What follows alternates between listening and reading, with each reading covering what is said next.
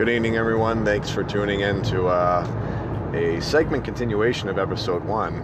Um, like I said in the recent episode, this is a great example, uh, resorting back to like I like I said, um, you know, shit just happens so quickly and in such a short amount of time that you know it, it's just amazing. It's simply amazing. And lo and behold, it actually happened. Uh, probably a couple hours or so after I made the first episode. Um, you know, we, I get a I get a call from this one's this one's beautiful. Um, and it's not the first time this has happened either, but I get a call from dispatch, uh, and, and dispatch is the one who generally sends out the jobs, and you know the, the jobs come in from the hospitals or whatnot. You know, to, you got Emerson Hospital and Harrington, just to name a couple, but you know, when the, when the jobs come in, they go to dispatch, and then uh, Haley, who is the dispatcher, um, she just doesn't even really know what the hell's going on at all whatsoever.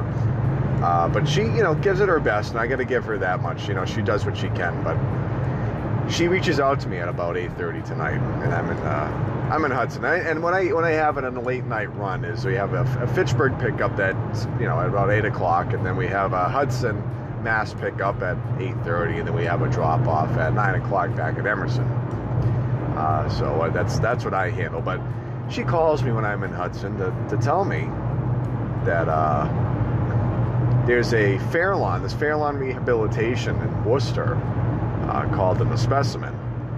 A stat specimen that came in at about 8.30, 8.35 or so that has to go back to Harrington Hospital. I said, I said, Haley, I said, you know, I know there's two people down there, stat drivers, who are assigned until 9 o'clock you know that's when they sign off is nine o'clock, and you know that's when they're off the, off the clock in general. Uh, one of the guys we're going to be talking about in uh, some episodes to come up, and then uh, there's another driver down there with him as well. Um, but she said, "Oh no, no, no! They, they decided to sign off the clock a half an hour, 45 minutes before their shift actually ended, and they shut their phones off, so we're not in, able to get in touch with them." unless there's someone you know besides you who can do it. I'm like, are you fucking serious? And these people are still working here, mind you. And this is not, like I said, this isn't the first time this has happened.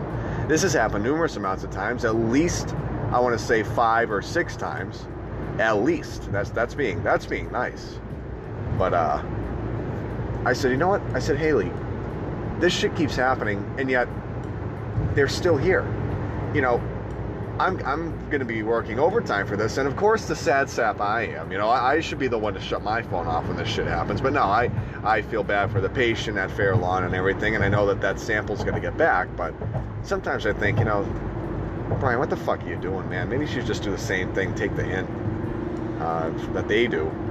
But no, of course, you know, me being the supervisor and me, you know, wanting to take the responsibility, I, I fucking just suck it up and say, I'll, I'll do it. Uh, well, you know, the other guys just, you know, come to work when they want and kind of, you know, sign off when they want. I, that'd be nice. I, sh- I should probably start doing that. I that sounds beautiful. And then they still get jobs, you know. And, and Joe doesn't do anything about it. You know, that's that's the that's the boss's name, by the way. And you know, and it's like, all right, you know. So I uh, handled this specimen, and she said to give her, you know, shoot her a text when it was all set, and Joe said the same thing. So I shot a text, and you know, nothing. There was no response at all. Uh, making sure the specimen was take care of it. You know, I even I even shot a text to myself for Christ's sakes, just to reassure myself that everything's fine. You know, at least something very important was taken care of because you know it was late um, on account of you know just you know again another free will uh, thing going on here and choosing not to do a task when you know the the other two were just merely all of 20 minutes away from the stat pickup compared to my uh, one hour easy. Uh, so, yep, looks like a late night uh, getting done here. And thought I would just add this little segment in. And like I promised you guys out there who are tuning in or listening to these episodes or whatnot, you know, I try to keep on top of the stuff as much as fucking possible as it unravels and continue to do the best I can. So, with that said, I'm getting out of this uh, sketch hole of Worcester, passing through here, and